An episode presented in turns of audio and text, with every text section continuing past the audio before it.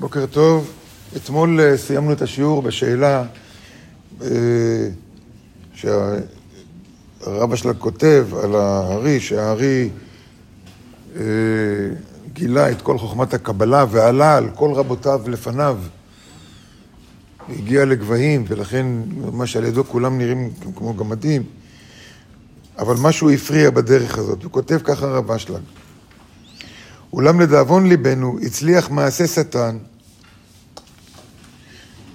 ונעשו מוקשים בדרך התפשטות חוכמתו למרחבי עם קדוש.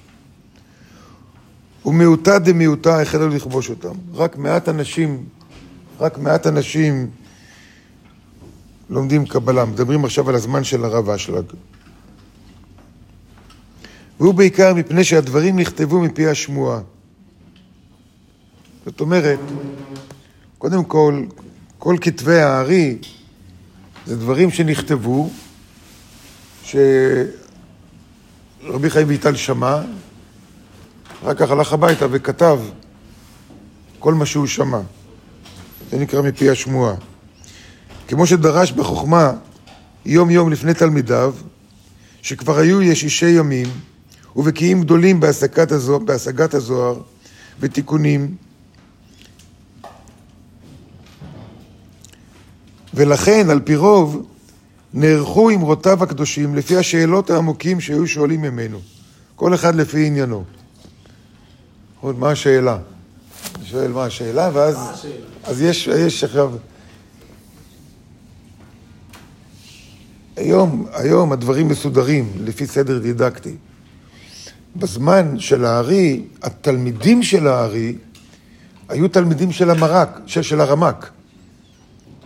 היו, היו חברים שלו, תלמידים של הרמק. אלה היו התלמידים שלו. והם הסכימו שהוא, שהוא יותר גדול מכולם, וגם אחר כך בסוף הגיעו להכרה שהוא גם יותר גדול מהרמק. אז הם היו תלמידים שלו, אבל כולם כבר היה להם ידע, כבר למדו קבלה הרבה שנים. הרבה שנים. אז לא מתחילים איתם מקבלה א', משיעור ראשון, מה זה אור, מה זה כלי.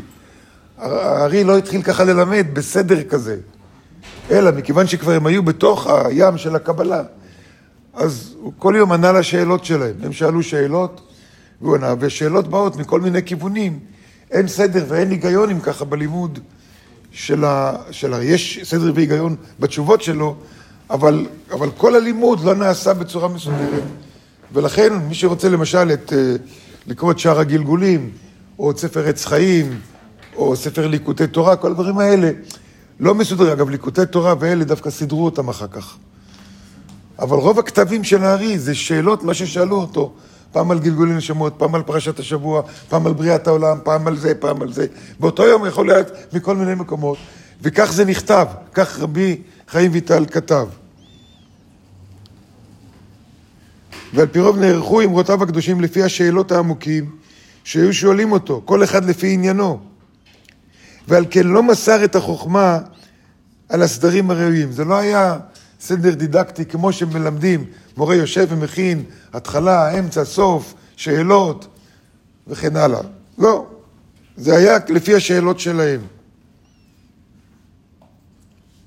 ואנו מוצאים בכתבים שהיה הארי עצמו, ז"ל, משתוקק לזה לעשות סדר בעניינים. הארי רצה לעשות סדר. ועיין זה בשער מערי רשב"י בפירוש ההתרזותא, בהקדמה קצרה של רבי חיים ויטל. אני חיפשתי את זה אגב, ולא מצאתי, ב... לא, לא מצאתי, אני צריך לבדוק איפה זה באמת. הרב שלך כותב איפה זה, אבל אני לא מצאתי את זה שם. שזה מצוטט במפורש שהארי בעצמו רצה, רצה לעשות סדר, רצה שיהיה התחלה, אמצע, סוף. ונוס...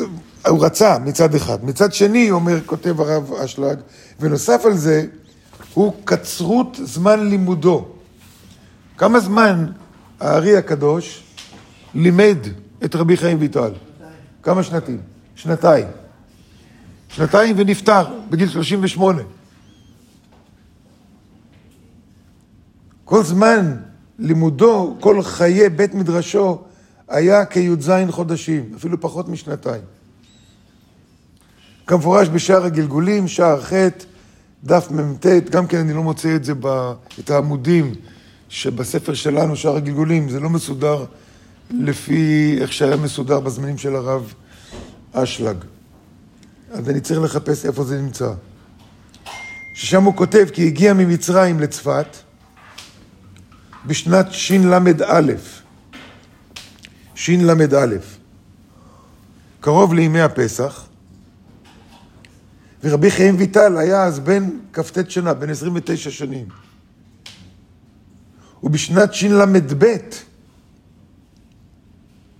כלומר הוא בא בשל"א, ובשנת של"ב ביום ו', ערב שבת קודש, פרשת מטות ומסי, בראש חודש מנחם אב נחלה, וביום ג' ה' מנחם אב, נפטר לחיי העולם הבא. שנת של"ב. אז הדברים של הארי, כמו שרבי חיים ויטל כתב אותם, הוא כתב מה שהוא שמע, וזהו, ולא עשה סדר מה קודם, מה אחר כך, מה זה וזה. כך זה כתוב. לבריאות. אז מה קורה עם הספרים שיש לנו היום? מה קורה עם כל כתבי הארי שיש לנו היום? הארי בעצמו רצה לעשות בהם סדר. רבי חיים ויטל, לא היה לו זמן לעשות סדר, כי הוא למד את זה וכתב את זה כמו שהוא קיבל את זה. וכתוב, אז הוא מצטט פה הרב אשלגות, וכתוב עוד בשער ח' שבעת פטירתו נתן צוואה לרבי חיים ויטל, לפני שהוא נפטר. אמר לרבי, חיים ויטל, שלא ילמד את החוכמה, לא, שלא ילמד את החוכמה לאחרים. שלא ילמד את זה.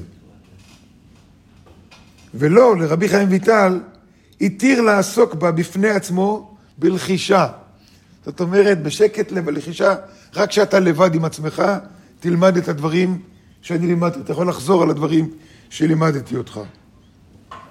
אבל לשאר החברים, הוא לא נתן רשות להתעסק בהם כלל, כי אמר שלא הבינו החוכמה כראוי. כל יתר התלמידים. אני רוצה להגיד לכם מי היו תלמידים שלו. אם אני הייתי מבין פסיק קטן ממה שהם הבינו, הייתי היום גדול הדור. ועליהם הוא אמר, הם לא הבינו. לא הבינו מה הוא באמת רצה, לא הבינו על בוריו. ודאי שהם הבינו חלקים, ודאי שהם הבינו... אה, אבל ממש לראות בזה שלמות אחת גדולה, וכל דבר איך קשור לכל דבר, הם לא הגיעו לזה, רבי חיים ויטל כן. לכן הוא לימד את רבי חיים ויטל, ותקראו בשאר הגלגולים כמה הוא כותב על רבי חיים ויטל, עוד פעם ועוד פעם ועוד פעם. מה הוא כותב עליו? הנה בשיעור שנמשיך.